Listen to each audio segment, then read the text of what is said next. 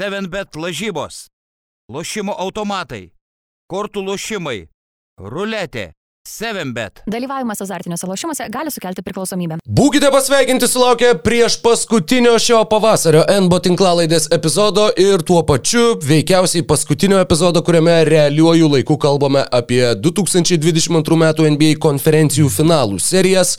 Mums liko tik pajėgiausios rytų ir vakarų komandos, apie kurias kažkiek tai užnekėjom ir praeitam epizode. Šį vakarą pašnekėsim uh, truputėlį išsameu beigi plačiau. Tuo pačiu turim ir keletą naujienų, aktualijų, kurias norėsim apžvelgti ir uh, žinoma, kas be ko. NBO epizodas nebūtų NBO epizodas, jeigu 70 procentų jo turinio nebūtų visokios, uh, visokie lyriniai nukrypimai ir visokios detalės, kurios Nu, patraukia mūsų dėmesį. 90, kolega, aš tai sakyčiau, mes visai, visai tvarkingai. Nu, mūsų lyrinis nuokrypis vis vien dažniausia, dažniausiai būna apie, apie krepšinį. Na Tik tai taip. Tiek, kad ne, čia pasakyti, ne mm, žurnalų viršelio ir, ir ne klikbeitinis tas turinys būna ten. Pavyzdžiui, aš dabar, nu, ir galim nuo to ir pradėti. Gavai daug hate mailo ir grasinimų susidoroti dėl to, kad įvardinai šašlyką kaip lietuviškos virtuvės patiekalą? Nuo žmonos, žinok, daugiausiai gavau, sako, nu, čia varoko, sako, va čia tai lietuviškas, kas, sakau, tu iš vis esi mačius, tipo, karką įkeptą į kugelį, nu, tipo, kur tas patiekalas. Šiandien mačiau, bernelių užėgo yra. Ir yra? Taip, šiandien O, mačiau, nuostabu. neėmiau, bet mačiau, bet šiandien įsikandau liežuvį ryte valgydamas bulvinius blynus. Nice, nice. Taip, and this goes e, on. šiaip man buvo įdomu, kad e, nu, ta akivaizdžiai netvirta, e, tiksliau, nu, nerimta rubrika, visiems žmonės užsitrigerina kažkaip, sugeba. Tai labai labai smagu. Buvo ir žmonių, kuriems nuoširdžiai patiko, vienas bičiulis man rašė, kad Harmsas mumis didžiuotųsi. Tai, tai vat, vat, šią džiugę natą, manau, ir galima atsisveikinti su... Kalbant apie lyrinius nuokrypius, tai aš norėjau pasakyti, pasiūlyti klasi, labiau klasikinį NBUI lyrinį nuokrypį. Ir šitas gal visai tiktų ir e, šiaip normaliam podcastui.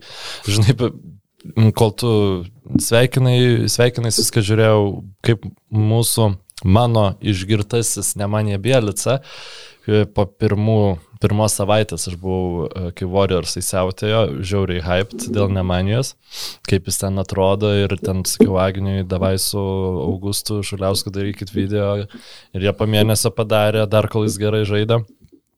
Bet dabar šitose playoffuose jis žaidė 8 rungtynes, renka po 3 taško ir, tų, ir nu, vid, vidutiniškai po 10 minučių, bet jau šiaip tai aš jo normal, normalių minučių žaidžiančių jau iš esmės kaip ir nebematau.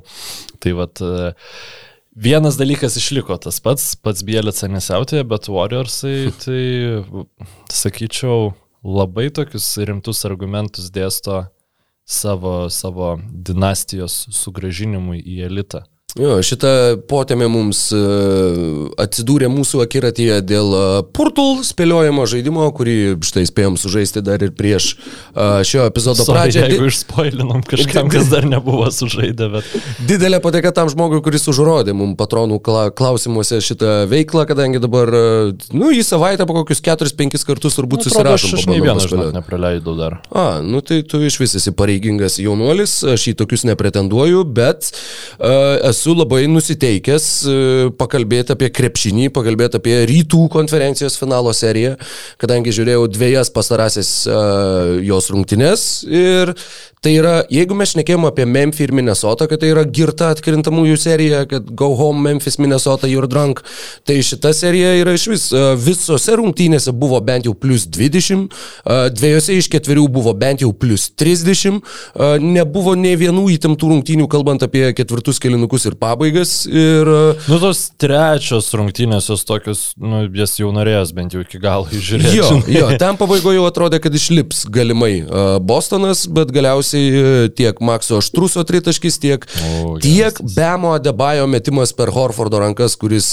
nors visi akcentavo Aštruso tritaškį, bet Bemas Adebayo likus berots minutiai 20 pakėlė iki plus 6, kur grinai atakos paskutiniam sekundėm labai sudėtingai iš vidutinio nuotolio per Horfordo rankas pataikė svarbų metimą ir apskritai Bemas Adebayo tose trečiose rungtynėse buvo nebejotinai svarbiausias krepšininkas aikštėje, geriausias pasirodymas karjeroje, virš 30 taškų ir labai labai solidus pasirodymas, ypač atsižvelgiant į tai, kad pirmose dviejose serijos rungtynėse jisai rinko po 8 taškus ir iš žaidimo metė po 5 kartus vidutiniškai, trečiose nebuvo Jimmy Butlerio, e, antroje rungtynių pusėje e, Viktoras Oladipo pakilo nuo suolo ir grįžo kuriam laikui į Indianos laikus ir tuo pačiu žinoma Bemas Adebayo buvo žmogus, kuris tempė komandą ir vienas iš tokių svarbių mm, niuansų šito istorijoje yra tas, kad trečiose rungtynėse nežaidė Robertas Williamsas.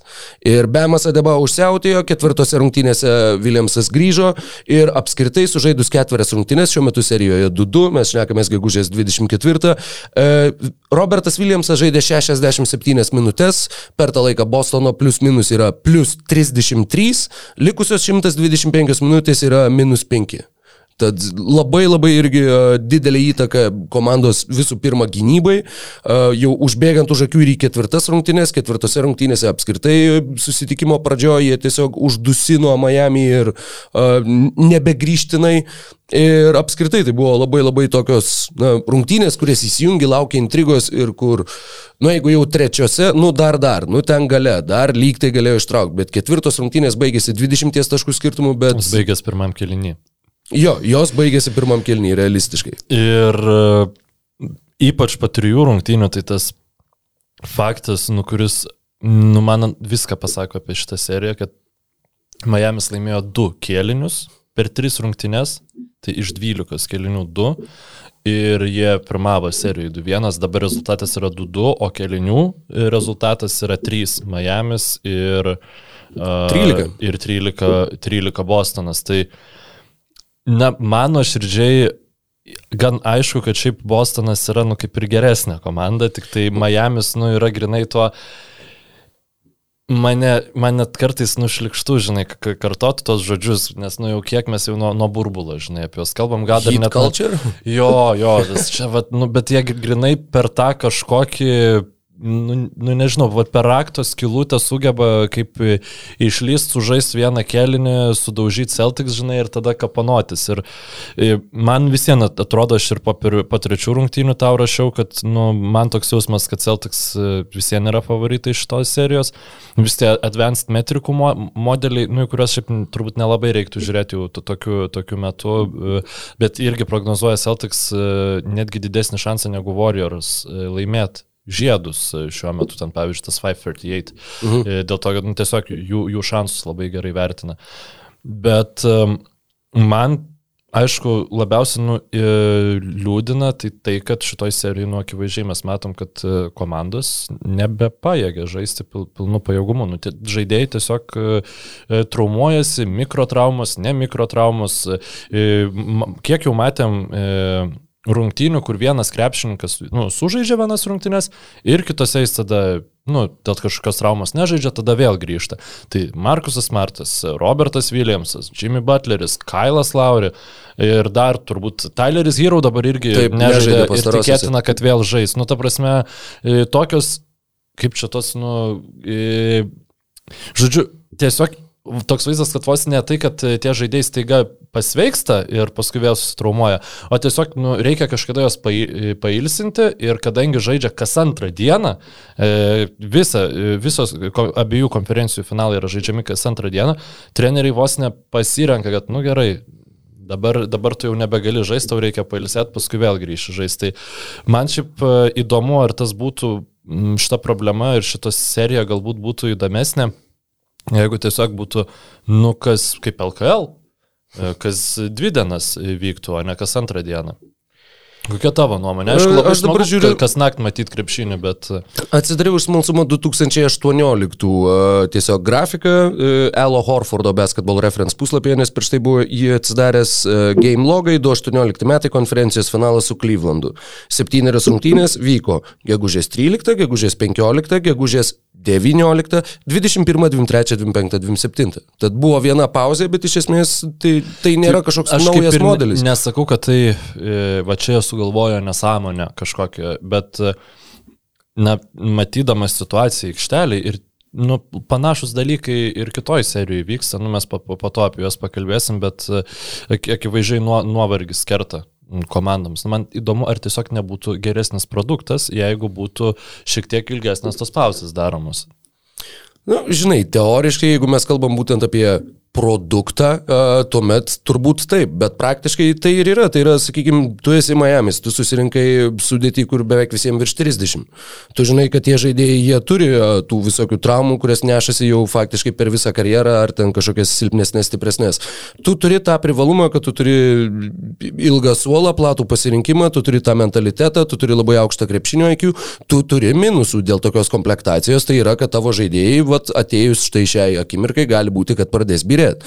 Tas pats buvo e, burbulė 20-ais, Dragičius susitraumavo, Bemas Adebajo susitraumavo, tai gali būti dar ir fizinio Finalą pasiruošimo atėjo. tasai pa- padarinys to legendinio Miami Heat, kur ten e, su e, iš esmės armijos, žodžiu, visokiais ten pratimais ir, ir režimais treniruočių.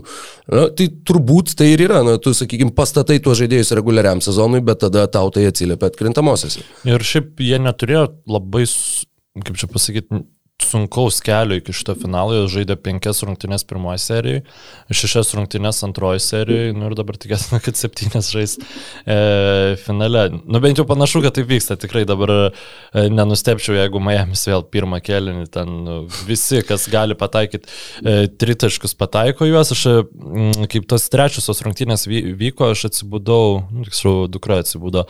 E, Realiai per, per halftime, kai ten Miami's turėjo, nu, kosminę ten persvarą, nepasakysiu dabar kiek. Ir, žinai, žiūri tiesiog NBA kom, nu, ir ties tą tritaškų įlūtę ir ten beveik, nu, visi kaip, kaip toks visas, kad baudų metimų grafą, žinai, žiūrėtum toks pataikymas. Tai... Jo, Miami's tose rungtynėse fantastiškai šaudė tritaškius, ten buvo vienu metu 11 iš 13 ar kažkas tokio, kad a, tikrai stulbinantis taiklumas. Ir jie sugebėjo atvažiuoti svečiuose, tose pirmose Bostone žaistose serijos rungtynėse, pirmam kelinukė iš karto užvažiuoti į dantis taip, kad, kad rungtynės faktiškai tuo ir baigės. Nu taip, Bostonas beveik išlipo, bet a, iš esmės rung... pagrindiniai rungtynių įvykiai, kurie labiausiai nulėmė jų eigą, įvyko pirmajame ketvirtyje. Ir ten buvo gyvybiškai svarbi. Ten, nu, mano nuomonė, tos e, trečiosios rungtynės tai buvo svarbiausios e, serijos rungtynės. E, Hit, kad sugebėjo laimėti be Jimmy Butlerio žaidžiančio antroji pusiai. Plus išsitraukė, kaip čia pasakyti, tas mačas su, suteikė naujų galių, toks vaizdas Viktorui Oladipo ir jam, nu, jį visiškai kitokių vaidmenių nupaišė serijos ateičiai, taip galima pavadinti. Net ir šitam pra- pralaimėjime su triuškinime dabar ketvirtosios rungtynėse Oladipo buvo, mm, na, mano nuomonė ir fanų nuomonė vienas iš nedaugelio šviesulių. Tai tos... Šitose ketvirtose rungtynėse dar porą dalykų apie Oladipo. Trečiose jisai nežaidė pirmoji pusėje, tik tai tada, kai paaiškėjo per ilgąją, kad Butleris nebežais, tada jisai pirmą kartą pakilo nuo suolo. Jis užbaigė rungtynės su šešiais perimtais kamuoliais. Miami's iš viso perėmė 19 kamuolių. Ir apskritai šitoj serijoje labai labai daug... Uh, lemia tai, kuri komanda turės mažiau klaidų, daugiau atkovotų kamolių ir arba daugiau metimų iš žaidimo, arba daugiau baudų metimų. Tiesiog daugiau atakų iš esmės. Tai ir nulėmė ir tai kiekvienose rungtynėse kol kas visose ketveriose galiojo. E, Ketvirtose rungtynėse Oladipo sumetė 23 nuo atsarginių žaidėjų suolo. Miami starto penketas surinko viso 18 taškų. Jo, tai, yra, aš- tai yra antirekordas nuo 70-71, kiek NBA yra susivedę statistiką būtent su starto penketais, kad starto penketo mažiausias pelnytas taškų skaičius ir tuo pačiu tai yra rekordas, kad pirmą kartą nuo suolo pakilęs žaidėjas atkrintamųjų rungtynėse pelnė daugiau taškų negu visas starto penketas kartu Aš sudėjus. galvau, kad man kažkas neatsinaujino NBA appsą, kai, nu, tipo, per mėgus Ten žinai. apskritai e, ilgoji pertrauka. Bostonas iš žaidimo meta 37 procentais, tritaškius meta 24 procentais, jie priekyje PM 733. Tai buvo, nu, gyny, gynyboje buvo kosmosas, kaip jie manai- padarė.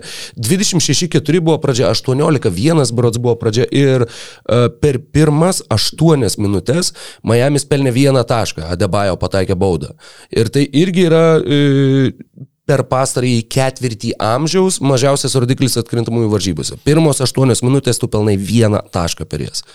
Kaip tu manai, čia, na, nu, aišku, skamba biškai, man reiktų užsidėti aliuminio folijos kepurėlę, bet Hit puikiai žino savo krepšininkų amžių, pagrindinių, puikiai žino savo traumų situaciją, Kailas Lauri, Jimmy Butleris. Ar gali būti, kad jie pa, pažiūrėjo taip, okei, okay, mes net nesitikėjom laimėti trečių rungtynių, viskas buvo prieš mus, mes laimėjom trečias rungtynės, bet mūsų pagrindinis lyderis, jis, nu, nėra fiziškai gerai pasiruošęs. Ir e, šitas ketvirtasis rungtynės jie žaidė, nu, nesakykim, su tokiu rezervu šiek tiek, kad mes atiduosim viską šeštosiuose, penktosiuose rungtynėse mm -hmm. ir jeigu reikės septintosiuose. Nu, aš žinau, kad tai skamba... Čia net nėra, žinok, ne, aš nemanau, kad tai yra aliuminio kepuraitė, tai labiau yra tiesiog psichologija. Nu, tu žinai šituos dalykus eidamas žaisti ir tu žinai, kad tu eini žaisti, va, be hero eini žaisti su butleriu, kuris vos pajuda, nu, kur visi tie dalykai jie visi vieną sugroja ir jeigu varžovai startuoja 18-1, nu, aš tikiu, kad yra tos rankos jau kažkiek nusvyra jau ir tada. tada pagalvo, nu, ir net toks racionalus pateisinimas atrodo ne, nesidraskyti. Kaip pavyzdžiui darė Bostonas pirmosiose rungtynėse, kai Hit irgi labai, nu, uždominavo pirmojo rungtynių pusėje ir jie, nu, visiems tas rungtynės pralaimėjo, bet jie, sakykime, kapojosi, kapojosi ir nu, tikrai pavargo tie krepšininkai. Tai aš manau, kad e, Miami's e, jautė irgi tose trečiose rungtynėse, kad, nu, ketvirtas mes pralaimėsim, nepaisant to, žinai, ka, ka, kas ten vyks. Ir... Na, šiaip tu išvažiuoji su 2-2, tu faktiškai Taip. jau pasai ir kaip ir nėra ko ardytis, tu susigražinai namų aikštės pranašumą. Jo, jo, nes tu gali, nu, pe, perspaudus, tai galėjo, žinai, ten visi tiesiog dar, dar daugiau užsitraumuoti ir, nu, Miami ta rotacija realiai, bet, nu, jiems svarbiausia yra Jimmy Butleris. Be jo ten gali būti Oladipo, gali būti Maksas Štrusas, Tyleris Hero gali būti, bet, nu, be, be Jimmy Butlerio tu rungtynių nelaimėsi. Man tai labai įdomu yra tai, kad uh, visas rungtynės nulėmė atkarpos. Visur buvo po vieną, nežinau, vieną kelinuką arba kelias minutės, kur, nu, toks 28-4 ar kas nors tai tokio ir kur, nu, tai faktiškai ir nulėmė rungtynės. Ir kad mes kalbam apie dvi turbūt geriausiai besiginančias komandas NBA. Iš likusių, nu, apskritai ketur, keturios beliko, bet nu. apskritai, kalbant apie, apie tuos skaičius, kuriuos Bostonas nuo sausio demonstravo, tiesa, tada, man atrodo, Mavericks buvo antra geriausia gynyba nuo to paties laiko skaičiuojant, bet Miami su savo arti pilnė, sakykime, sudėtim. Jeigu jinai būtų pilna, tuomet apskritai tai būtų dar didesnis gynybinis potencialas ir kad būtent sakykime, tose rungtynėse, kur taip klampiai žaidžia abi komandos, va tas vienas įsiplieskimas, vienas užsidegimas, viena atkarpa, kur tau pakrenta, va, sumeta visi tritaškius, dar perėmė porą kamolių, porą lengvų taškų greitam polime, kokią nors baudą ir viskas. Kad tiek daug gali nulemti, atrodytų, kad tarsi uh, puolimo pobūdžio rungtynėse toks scenarius būtų labiau tikėtinas, bet kad būtent e, čia, kur yra dvi visų pirma labai gerai besiginančios komandos, ne viena iš jų, ypač pozicinėme puolime, nėra gerai puolanti komanda, nei Bostonas, nei Miami šiais metais.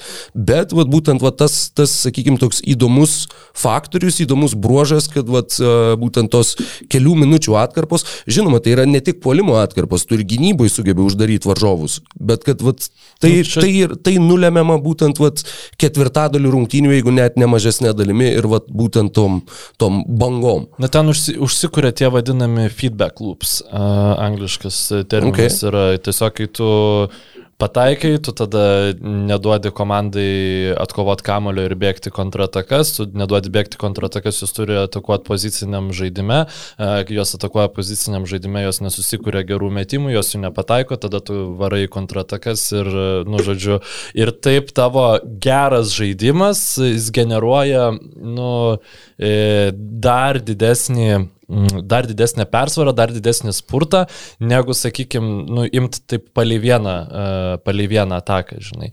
Ir šito feedback loops uh, gurų šitame dešimt, pastaraisiais dešimt metų be abejonės yra Golden State Warriors, kuomet jie ten užsikurdavo žodžiu ir, ir nu, nieko tu su jais nepadarysi, nes gynyba jų nereali, o kontratakose tai yra žudikiška komanda. Ir iš tikrųjų tu sakei apie tas geriausias gynybas lygoj, tai aš turbūt Celtics dėčiau dabar vieną nu, savarankišką lentyną pagal ypač pagal jų potencialą, nu tiesiog ant kiek jie yra universalus, o Warriors dėčiau tą pačią lentyną su Miami.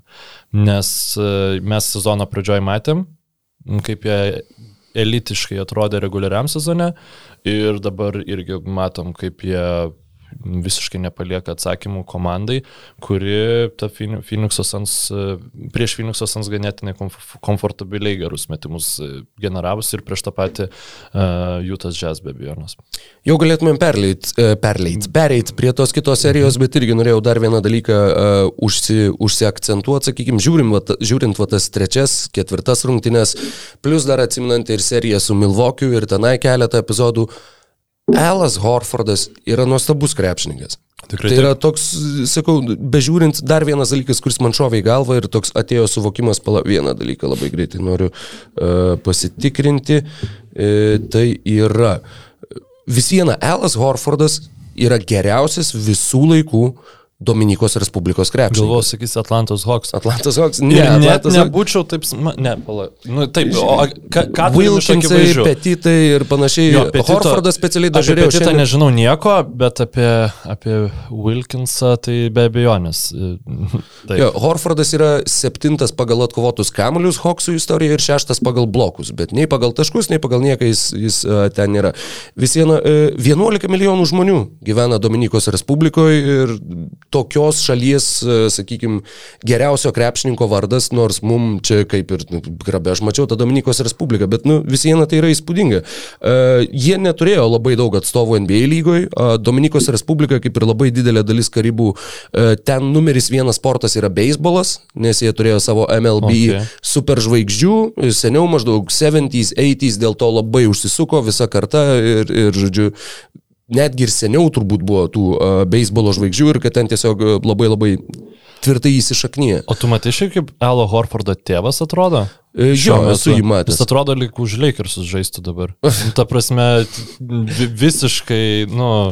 e, Ne, Žaidė, žaidė ne- už Celtics, už, už Lakers, man atrodo, Ne, nežaidė. nu aš turiu omeny, kad jis atrodo, kad galėtų žaisti už dabartinius Lakersus, taip. kur ten, e, nu, mes žinom, kokia amžiaus situacija yra ir e, jis dar, jis dar aukštesnis yra netgi už Alą Horfordą, tai šiaip Jo, jis žaidė porą metų už Milwaukee Bucks ir vieną sezoną už Washingtono Bullets. Nežaidė jisai už beisbol, uh, beisbolą, už Bostoną, nors kažkodėl man tai buvo susišvietę. Uh, kiti krepšininkai Dominikos Respublikos tiesiog uh, įdomumo dėliai. Uh, NBOKim. Tu, turbūt, turbūt, mm, sakykime, taip, mes turim dar du aktyvius šiuo metu. Uh, žinoma, Karl? Anthony Townsą. Ai, galim, jo, jeigu nori.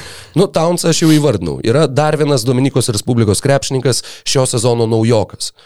Labai gerai pradėjęs, apie jį nemažai išnekėjom. Bet... Primo, Ne, e, Duarte. Taip, Krisas Duarte. taip Primo Dominikos Respublika.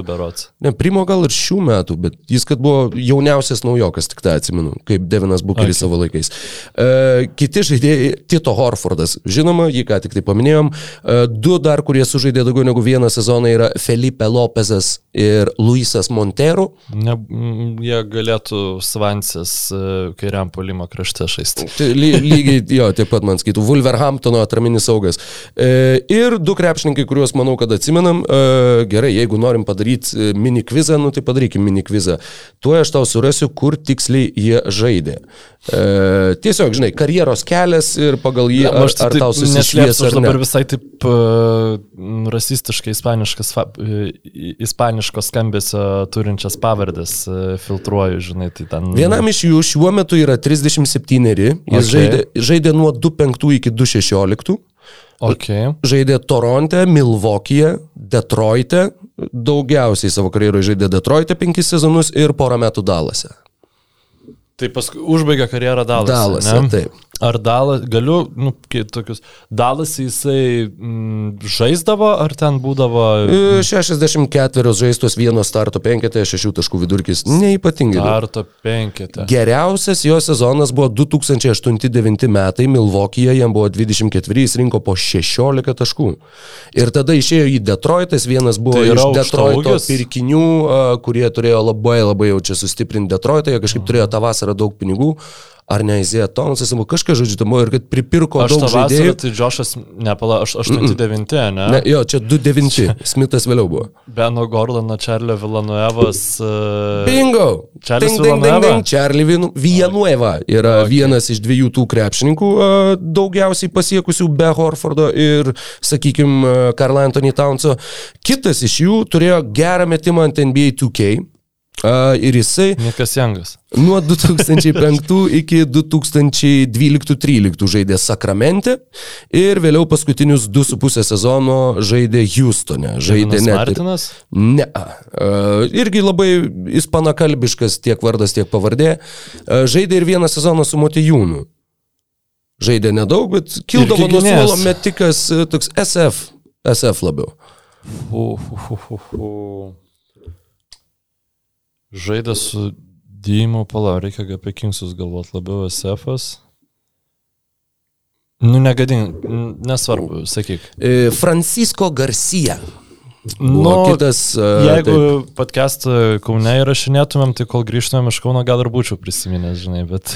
Tikėtina, kad. A, tad jo, geriausias visų laikų Dominikos Respublikos krepšininkas, a, Enbo statulėlė keliauja Elui Horfordui. A, ir, Aš manau, ir kad jis tų apdovanojimų gavęs yra pakankamai nemažai iš kokio Pakankamai nemažai. Jis yra reikšmės. e, penkis kartus e, visų žvaigždžių e, rungtynių dalyvis. Vieną kartą All Defensive Team, vieną kartą All NBA. Dar vienas įdomus faktas. Jisai e, 2014 metais jisai nežaidė atkrintamosiose, nes buvo traumuotas, bet Atlanta žaidė tam sezone. Šiaip jisai nuo 2007 metų 15 sezonų NBA lygoje ir pernai, kai jisai buvo Oklahomoje, tas, kur buvo jo sanatorijos sezonas, tai vieninteliai metai, kai jo atstovaujama komanda nežaidė atkrintamosiose. Jis yra tiesiog iki tiek tavo grindis pakeliantis žaidėjas, kad uh, iš ties Tai labai labai Oklahoma būtų įleidus, tai jaučiu, iki Jo, jo, plėjino gal ir būtų Aš manau, kad taip, tai viena, su- viena iš priežasčių, kodėl SGA nežaidė. Ten, žinai, nu, ta prasme, jeigu realiai bandytų uh, laimėti tą organizaciją, turėdama tai, ką turėjo pernai. Um, jo, Alas Warfordas yra labai šaunus krepšininkas ir man iš dabar atsimenu Paulius Gritėno komentarą, man atrodo, Paryčio Višniausko posto, kad ten prieš kokius penkis ar kiek ten tų metų Atlantos Hawks nepratęsė sutarties su Alu Horfordu dėl to, kad norėjo pasimti jaunesnį, jaunatviškesnį, atletiškesnį Dwightą Howardą į centro poziciją. Ir jiems Uh, rimtai, pala 16-17 gali, gali Jo, būti. jo. Tai toksai, nu, labai kartais įdomu, kaip tie krepšininkai yra vertinami, bet e, tuo metu dar ne, ne visi klubai buvo supratę, kiek naudos Alas Horfordas gali atnešti jiems. Tai Dvaitas Howardas iš Atlantos. Tai ten dar buvo atsiminutas, truputėlį bandė sukurti uh, ažiotažo, kad štai jisai grįžta namo. Ir sezono, man atrodo, jis ten net nebaigė. Uh, tad jo, uh, Bostonas, Miamis ir serija, kurioje jo, manau, kad penktose rungtynėse Miamis padarys viską.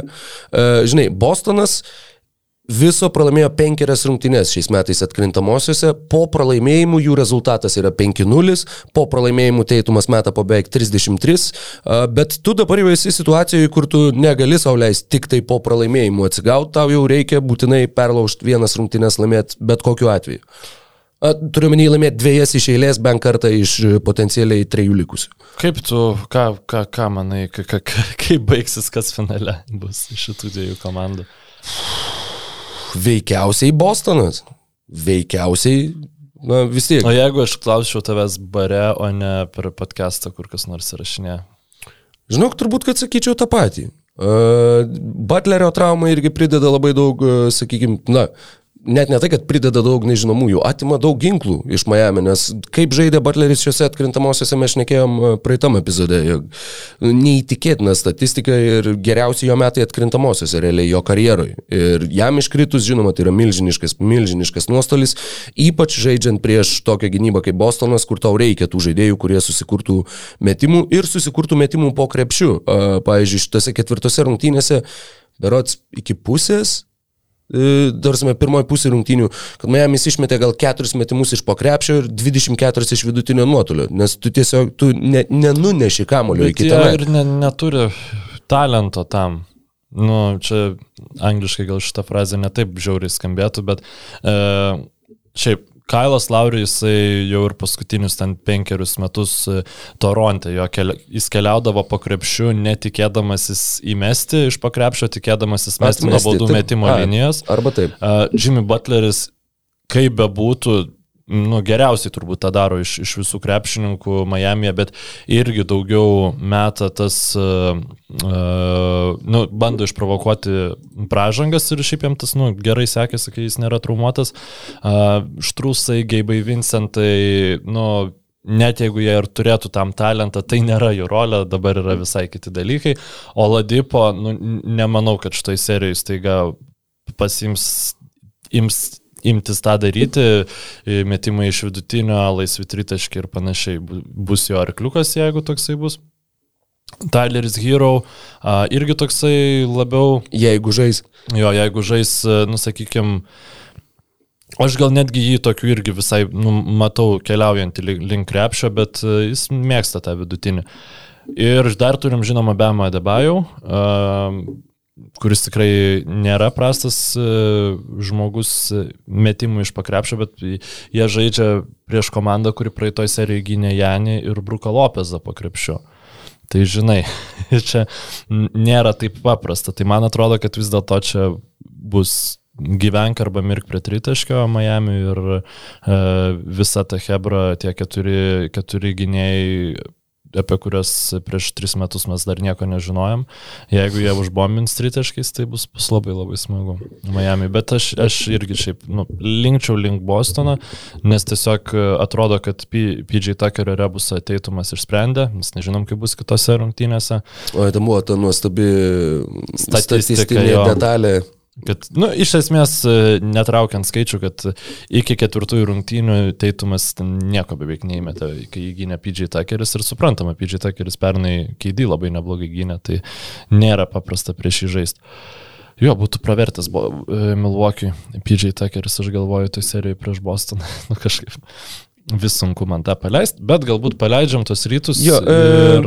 PJ Tuckeris e, šiame sezone, čia buvo prieš dar ketvirtasias rungtynes, e, tai įskaitant reguliarų į sezoną ir atkrintamasis, PJ Tuckeris 127 atakose dengė Jasoną Teitumą ir per 127 atakas Jasonas Teitumas buvo pelnęs 15 taškų. Tada visiškai tikrai košmariškas varžovas jam, bet ketvirtos rungtynės susiklostė kitaip. Na, tikėtis, kad vėl rezultatyviausias tavo starto penketo žaidėjas surinks devynis taškus e, būtų naivoka, bet e, na, bus įdomu. Ir įdomu, ar ir vėl bus viena atkarpa, kuri nulems rungtynės. Am jaučiu taip.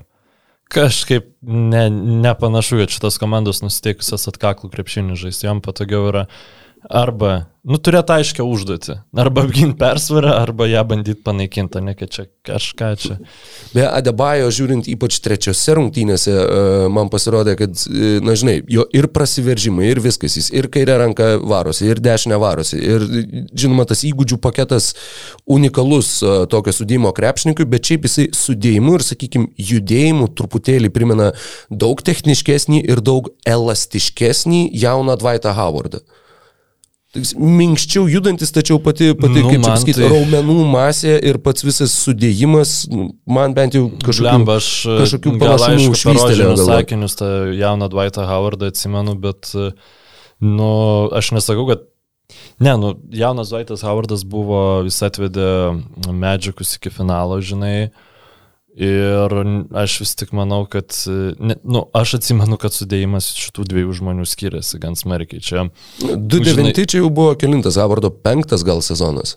Mm. Nu, Adebajo aišku irgi užaidžia ne pirmus metus, bet. Nes, nu, jisai monstras buvo ten, tai ta prasme, ir jis žaidė prieš, sakykime, žymiai didesnius, tebūnė lėtesnius vyrus, negu, negu dabar žaidžia Bemas Adebajau. Ir aš net nenoriu vertinti, kuris krepšininkas ten yra geresnis, nes nu, dabar tas krepšinis kitoks. Ir Bemas jis atlieka, daro tūkstančius dalykų, kurių nedaro Elas Dwightas Howardas. Bet būtent tas fiziškumas Dwighto Howardo, tai aš šiaip net mm, nesugalvoju dabar, kas su juo gali lygintis. Ir, nu, tiesiog po Dwighto Howardo kas buvo stipresnis, arba bent jau panašiai stiprus. Kazinsas? Nu, bet Kazinsas jisai toksai, nu jo, jisai stiprus, žinai, bet e, aš jo atletišku tai niekad nepavadinčiau.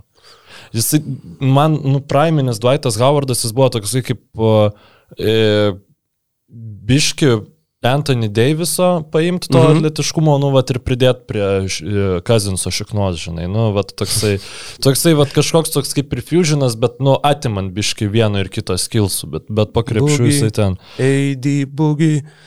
Na, na, na, na, gerai. Taip.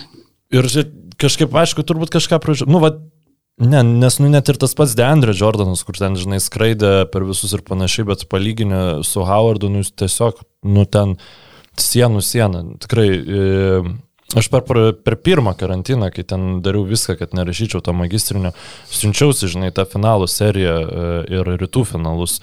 Ir, nu, tiesiog, tu žiūri ir negali patikėti, kad čia tas pats krepšininkas, kuris e, tiesiog nusudėjimas taip, atrodo greitai, tas pats, taip, mm. bet tie judesiai, um, jėga, nuo kuria jisai prasilaužė link to krepšio, atrodo visiškai kitokia. Tai um, dabar visada, žinai, kai ypač krepšininkai ten gauna tos kontraktus, kurių nepateisina, um, kai karjeroje kokius šūdus pradeda daryti, kaip ten Russellas Vesbrukas ir panašiai, tu jų linkęs esi tos geruosius metus, tada nu, kažkaip tu juos žiūri su atsarga ir galvoji, kad jie gal nebuvo tokie geri, kokie buvo. Ir lygiai taip pat, kai žaidėjai karjeros pabaigoje pradeda deliverint, nu, ten Krisas Polas, pavyzdžiui, jeigu mes galim sakyti, kad jis prad, nu, e, e, pradėjo mm, deliverint karjeros pabaigoje, tai tu tada jo ir tas nesėkmės visai, visai kitaip žiūri ir, ir kitaip vertini. Tai um, labai labai daug priklauso nuo žaidėjo bendro vertinimo, kiek jisai um, tų vėlyvųjų savo sezonų įžaidžiau elitiniam lygiui. Bet žinoma, e, tai neturėtų įtakot, kaip mes vertinam tos praiminius metus krepšinko. Nu, gal kalbant apie praiminius metus, tai kad, jo, kada baigsis dar... kari praiminiai metai. Galvojau, ai, galim, galim ir nuo šito taško pradėti pokalbį apie seriją, kuri kol kas klostosi 3-0 mūsų pokalbio metu, artėjančią naktį kaip tik vyks ketvirtos rungtynės. Galbūt Dalasas sušvelnins rezultatą, galbūt Warriors užsidarys apskritai pasinaudoję patirtim. Tai esmė keistų, jeigu Dalasas. Ja, žinai, žiūrėjau, kur šitas kaip jisai, Nick Wright, uh, žodžiu, kuris ten prisiekinėjo, kad čia Dalasas laimės viską, kas įmanoma. Uh, dabar bandė ten, nu, kartais įsijungiu tų pokalbių laidų irgi tiesiog pasišnekėti, kad kažkas pezėtų fonę ar panašiai, uh, kur sakė, žiūrėk, gerai, taip. Ir toks uh, truputėlį perfrazuojant Niką Narsą, bet kad uh, maždaug, kad jo, iš 0-3 jo niekas nėra laimėję. Bet nu, va, jeigu Dalasas laimė vienas dabar. Nu tai va, iš vienas trys, tai jau galima šitą, tai jau mes esame matę ir klausais tų, nu, toks faktų ir atrodo, tu, žmogus kalba remdamasis skaičiais, bet netgi tais skaičiais galima šitai pritempinėti kažkokį tau palankų naratyvą. Oi, nu kolega, tai mes turim Lemma, kiek dabar metų ta, tas COVID-as, du jau metai ir ne, nu, mes, mes turim dabar kiek, kiekvieną savaitę tų žmonių girdim kalbančių skaičiais, kurie nieko nereiškia. Tai čia, žinai, e, tos kalbančios galvos neturėtų labai tavęs, e, tavęs galvoti. Ne, ne, man tiesiog, sakau, paliko įspūdį va tas, kad kaip, e, kaip bandoma sukti uodegą iš, iš kažkokios situacijos. Bet šiaip tai jo, šiaip tai serija yra 3-0.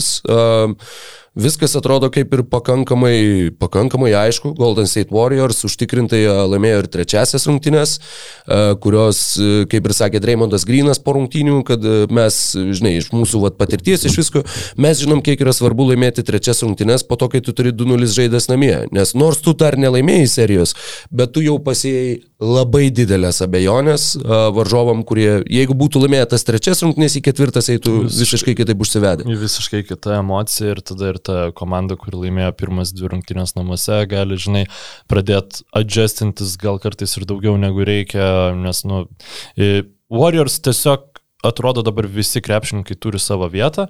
Krepšininkas, kuris mažiausiai turi savo vietą, mano nuomonė, šitoje serijoje yra Klejus Thompsonas. Uh, Bet man dabar toks vaizdas, kad jisai žais tada, kada reikės jam žaisti. Ir žinoma, nu nebe tas klėjus, nebe tas, kuris buvo prieš 2,5 metų e, toje finalo serijoje, ne, ne toks atletiškas, bet vis dar pavojingas, vis dar vis dar sumanus, bet, e, na, apie Kevono Lūną, Jordaną, Kevono Lūnį, Jordaną Pūlą šnekėjom, bet iš tikrųjų... Viso... Atėjo metas. Dar ne, aš dar, dar noriu ne, apie, apie karį, tiesiog e, duoti, nu, Taip, to e, nesąmoningų tritaško pataikymo pas jį nebėra, bet jisai sugeba, bet, bet ir sugebėjo būti e, trečiose rungtynėse geriausias žaidėjas aikšteliai. Sugeba kiek, kiekvienam čia ketvirtam kelniui būti geriausias žaidėjas aikšteliai šiuose playoffuose, ten jo skaičiai yra nesveiki ir tai kaip jisai būdamas 34 metų į žaidėjas, na, ne fiziškai dominuojantis aikštelėje, tritaškų, sakykime, nu, pataiko jis juos gerai, bet e, nebėra tas, kuris ten 16-17 e, metų kari ir taip toliau. Ir jis visiems sugeba absoliučiai terrorizuoti gynybą. Tokią, tokią gynybą, kuri e, ir Mitčelas susistabdė, ir Polas su, su Bukeriu sugebėjo sustabdyti. Bulokas atrodo prieš karį kaip ir turėtų atrodyti Bulokas prieš bet ką kitą. Nu, ta prasme, žaidėjas, kuris smarkiai, smarkiai viršijo lūkesčius, tapdamas pagrindiniu Mavericks perimetro gynėjų, nu, nieko negali pasiūlyti prieš e, karį.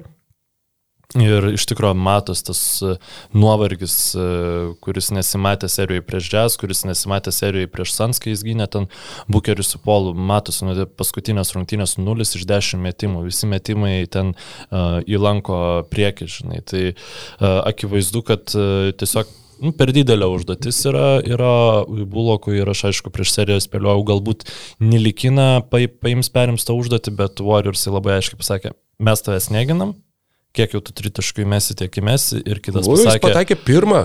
Aš, aš, ne, aš nesu pasiruošęs uh, žaisti su gynėju, kuris ginamas kaip centras ir, ir tiesiog Keras labai lengvai laimėjo šitą šachmatų partiją ar, ar kažką.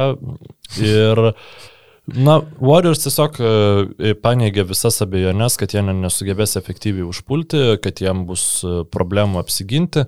Didelė to dalis yra, kad Dončičius, e, na, prieš viską besikeičiančią gynybą, jis tiesiog nerandas tų krepšininkų, kuriuos galėtų maudyti kaip šiltą Vilną. Ten, jeigu yra toks išsireiškimas, na, tiesiog tas pats Kevonas Lūnio labai sėkmingai labai sėkmingai po išsikeitimo stabdo Luka Dončičio. Ne, šiaip nežinau, ar kas nors maudo šiltą Vilną, bet... Nu, Murgdo, ne, ne, nežinau, kas ten terminas. Skalbia kaip ploščių. ir man šiaip žiauriai patinka Steno Vangandi e, komentavimo klausyti mm -hmm. priešingai negu jo brolio. Jisai po trečiose rungtynėse e, sakė, Ne, antrose rungtynėse, ten, kai Meveriks turėjo tą gerą atkarpą, sako, va, jie yeah, pirmose rungtynėse bandė atakuoti uh, Dončičius Kevoną Lūnį ir jiem nesigavo ir dabar jie to nedaro ir jiem labai gerai. Ir tada trečiam kelinėje vėl viską besikeičianti Warriors gynyba, vėl, vėl Lūnė prieš Dončičių. Tai aš nesuprantu, kodėl jie dabar vėl bando vers taškus per Kevoną Lūnį, jamgi to neišeina padaryti. Ir ten Reggie Milleris sakė, jo, jo, jo, aš irgi nesuprantu, žinai. 7 bet. Lažybos, lošimo automatai, kortų lošimai, ruletė. 7 bet. Dalyvavimas azartiniuose lošimuose gali sukelti priklausomybę. Bet... Ja, apie Kevoną Lūnį mačiau, kad uh, ir dabar tik bijau sumeluoti, ar Steve'as Keras, ar kažkas iš Warriors krepšininkų sakė, bet kad, uh, žodžiu, viso komandinio gynybos pasiruošimo, skautingo, visų tų mini uždavinių, kur ten, kad e, varžovą nukreipti verštis į kairę ar panašiai, visi tie maži mini, mini dalykai, kuriuos tu turi žinot prieš kiekvieną varžovą konkretų, kon, sakykime, konkrečią pakuotę va, tų visų dalykų, ką jam leisti, ko jam neleisti ir taip toliau ir taip toliau. Tai kad Kevonas Lūny, ar tai Kero, ar tai kažkieno žaidėjų teigimu, yra tiesiog dramblio atmintį šitiem dalykam turintis žmogus ir kad jisai, nu jis niekada neklysta. Va tuose mažuose mm. dalykuose, kad va būtent jis, jis dėl to yra mm, labai neįvertinta svarbi dalis šių metinių Warriors, va būtent dėl savo indėlio gynybai ir net nei tas uh, skaičiuotinas statistiškai gynybos detalės, kaip ten perimti kamuoliai ar blokai, bet būtent į komandinę discipliną, į tai, kaip visi žaidžia, kaip kas juda, kur keičiasi, kur nesikeičia, kur atsitraukia, kur breina, kur stumia į kairę. Visi tie dalykai, žodžiu, yra, yra Kevono Lūny tiesiog šedevrai komandos draugų, trenerių akimis ši, šiuose atkrintamosiose. Galėtum įvardinti komandą, kuri bendrai turi didesnį krepšinio IQ negu Golden State Warriors?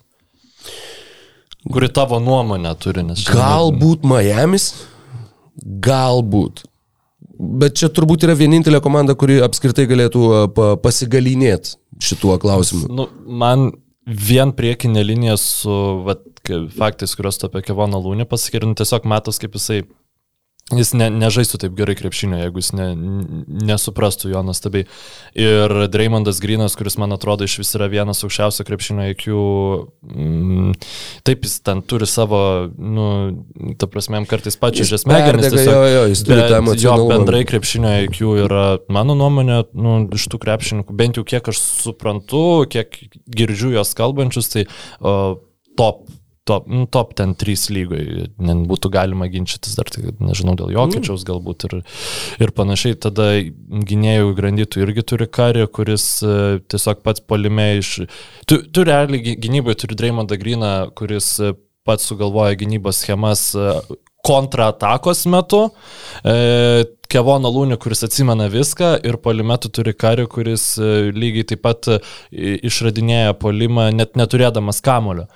Ta prasme, kas, ir tas pats e, nuo suolo kylantis Jordanas Pūlas man jis irgi nekartai įrodė, kad e, jo priimami sprendimai irgi nėra kažkokios šiaip nesąmonės, jis e, labai gerai apgalvoja viską.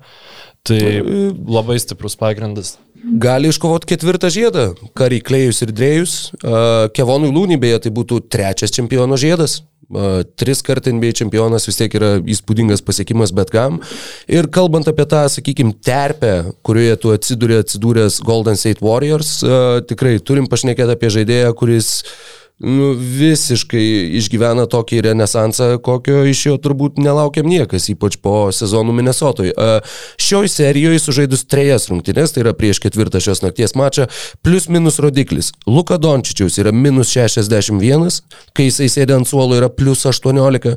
Andrew Wigginso yra plus 66, kai jisai sėdi yra minus 23. Tai yra tiesiog Čia gal dar paraleliai. į, į, įtakota yra tų mm, garbage time minučių, aš galvoju. Pirmose E, rungtynėse jų buvo jo, tas- ten kaip visokie kai grynai ant suolo, jo, jo, toliau, bet, bet tai nekeičia fakto, kad uh, Wigginsas tiesiog jis visiškai savo rolę atradęs yra. Ir nu, man tai net ir tai, kaip jis dabar žaidžia, tai nėra uh, visų žvaigždžių rungtynių starto penketo krepšininko rolė, bet tai yra krepšininko, kurį kiekvienas kontenderis norėtų savo komandai turėti. Turėt, absoliučiai kiekvienas. Ir tas ir yra, kad jo jisai rado tą vaidmenį, kuris jam tinka, kur tau nereikia būti žvaigždė, tau nereikia būti pirma ar net antra ar net trečia opcija puolime. Tu, vat, jeigu ką, man toks Harrisonas Barnsas. Tai atletiškesnis, kalbant būtent apie Warriors, tą originalų 14-15 metų uh, penketą ir originalią sudėtį, jeigu taip galima tikrai, išsireikšti. du- nu, jiems dabar reikia daugiau negu Harrisonas Barnesas ir jiems pasiūlo Taip. daugiau negu Harrisonas Barnesas. Jisai, pirmiausia, tai jo Gynybos gynyba. reitingas su Andrew Wigginsu 99,1 per 100 atakų, be Andrew Wigginso 128,1. Jo, jo. 30 beveik taškų skirtumas ir nuo teoriškai geriausios gynybos lygo iki absoliutaus dugno. Jo tam turi įtakos tos minutės, kai, kai krepšinis vyksta, tačiau Nu, tai Nekeičia nėra fakto, žaidžiamas. kad Wigginsas ginas žiauriai gerai. Ir jeigu mes palygintumėm, nu vėl, seriją fin, prieš Phoenixą Dalaso, kuomet jie žaidė prieš Mikelą Bridgesą, kuris vienas iš DPOI kandidatų buvo ir vi- visiškai teisingai, nu, Wigginsas geriau gynyboje atrodo šitai serijai. Žinoma, aplinka. E, Visai kito, nu, turbūt jeigu jisai būtų Sansose vietoje Mikelo Bridžeso, jis gal irgi nu, ki- kitokio iš viso Jo, turbūt, turbūt nebūtų. Bet e, nu, mes galim vertinti tik tai tai, ką matom ir matom, kad e, tai yra sunkiausias op oponentas Luka Dončičiui į e, gynybą ir taip pat, ta, jeigu pagalvot, e, vat, kas jau tikrai geriau atrodytų su taip žaidžiančiu Viginsu, tai jų tas džes, nu, žiauriai reikėjo tokio tipo krepšininko. Žiauriai reikėjo ir e, Filadelfijos 76 ar, pavyzdžiui, jeigu turėtų Wigginsą vietoje Tobajoso Harriso, irgi kaip jam būtų, mm -hmm. nesakau, kad jie būtų laimėję prieš hit, nes ten daug kitų faktorių buvo, bet kaip, kaip jiems būtų paprasčiau e, Jimmy Butlerį stabdyti. Ir šiaip kaip, nu, sakykime, tokiu atveju, jeigu Miami's laimėtų, papultų finalus, kaip gerai yra turėti Andrew Wiggins e, gintis prieš Jimmy Butlerį, na aš negaliu patikėti, kad tai sakau. Ja, e, labai įdomi detalė, kad jau paminėjai, Minnesotos Timberwolves ir galiai žiauriai nenori Viginso prieš Butlerį finale. jo. Nes Dvi, du buvę Minnesota. Mhm, jo, super. E, nušoko truputėlį mintis, bet... Nu, taip jau e, darote Timberwolves. Mm, jo, kad Andrew Wigginsas, jo, jisai tapo gynybos, nu, tuo pagrindiniu stoperiu, e, tuo, kurį tu statai va, prieš Luka Dončičių ar prieš kitą varžovų lyderį, kuris aria, kuris pasitinka visą laiką nuo galinės linijos, kuris uh, įdeda labai daug jėgų.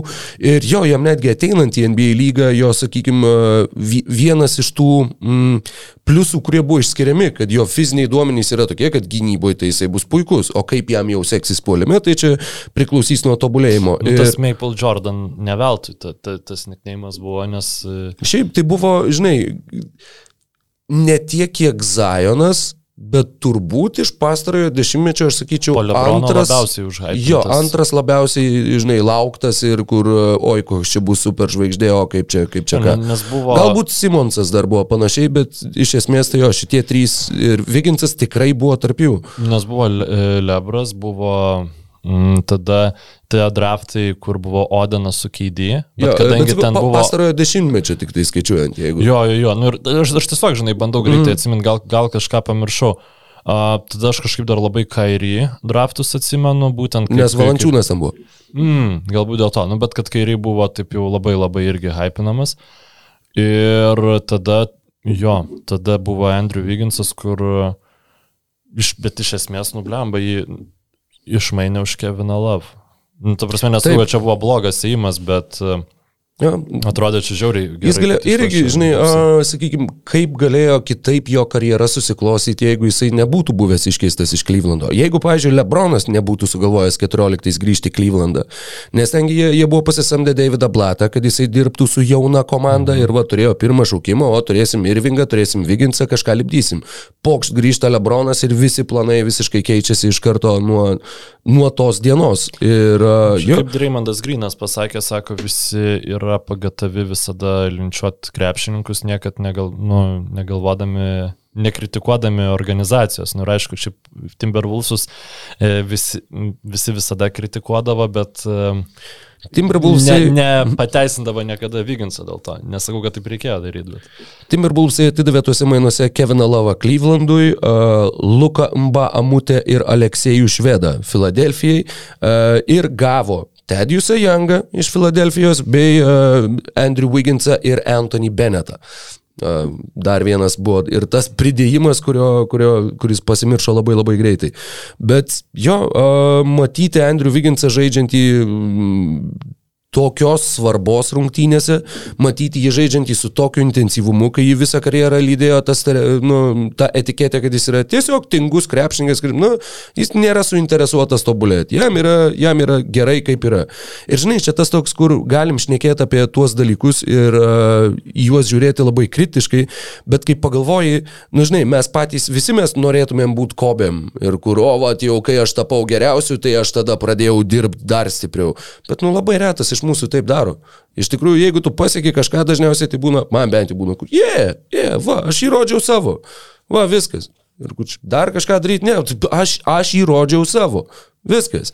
Tai žinai, atrodo, kad su tuo pirmu šaukimu galbūt taip iš pradžių jam buvo karjeros pradžioje, kad va štai, aš pirmas šaukimas, o ką? Nu, žinai, ESPN bankrutuotų, jeigu jų e, antraščių arba YouTube ten tų iškarpų būtų, na, Andrew Wigginsas elgėsi žmogiškai, arba ten e, Jamesas Hardenas, e, na, turbūt yra čia, e, ne visai laimingas savo dabartiniam gyvenime ir tai yra visiškai normalu. Ten, žinai, Kevinas Durantas tiesiog e, norėjo papulti į geresnę laimėjimų į aplinką, dėl to pasirinko Golden State Warriors, taip būtų pasielgęs bet kuris iš mūsų, nes tiesiog už tos pačius pinigus kur kas didesnis atpildas, žinai, nu, tipo, wow, oho, kaip įdomu. tai negi reikia, žinai, ten Na kritikuoti taip, viską. na taip. Bet blemba tas dėjimas Vyginso ir Nu, jau ant, nu. antram mače jisai Aš dabar neprisimenu per ką, bet jis ten bandė, man atrodo, Bertanį jis bandė nužudyti.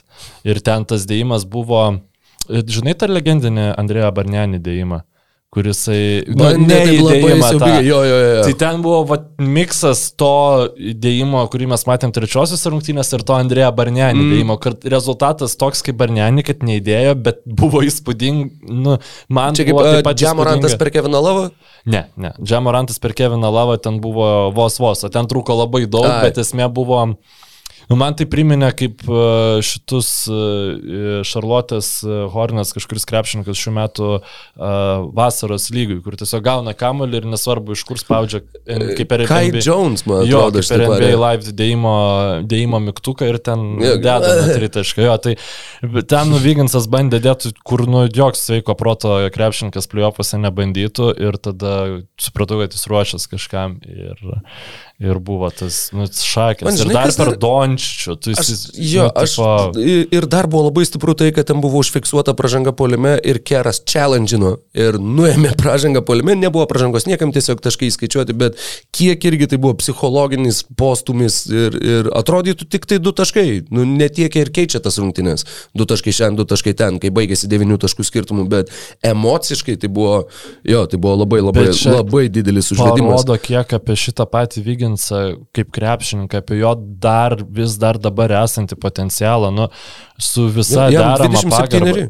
Taip, nėra daug krepšininkų, kurie šitaip sukrautų kamalį playoffuose ir e, sakau, kad jis nu, reguliariai jis bando tą padaryti ir jo atletiškumas tikrai vis dar yra neįlinis ir kai tu matai, koks jis yra pasijungęs dabar gynybai, tai tu supranti, nu, kokį realiai ginklą turi Golden State'as, kurį vat jie gavo už, sakykime, realiai už Keviną Durantą, Jo, kuris pirma, galėjo juos palikti be nieko. Paėmė Russellą, kas atrodė labai blogai ir sugebėjo Russellą iškišti. Irgi kas atrodė, nu, nieko gero, atrodė, kad geriau. va, O, tinka. blogiausias kontraktas, o ne. O, buvo laikai, kai Vyginsas Taip. buvo blogiausias kontraktas. Bet dabar, nu, šeš, aišku, irgi diskusija kitai, kitai dienai, bet kad dabar beveik kiekvienas kontraktas, kuris yra pasirašomas, tampa naujų blogiausių kontraktų vos ne iš karto. Tai tokia įdomioji situacija yra lyga. Aš manau, kad mūsų laukia rimtas lokautas po 23-24 metų sezono. Keistas toks, sakykime, mm, net nežinau, čia net nespėjimas, o gal ir spėjimas. Uh, Andrew Wigginsas, jeigu Golden State Warriors tampa čempionais, tampa finalo MVP.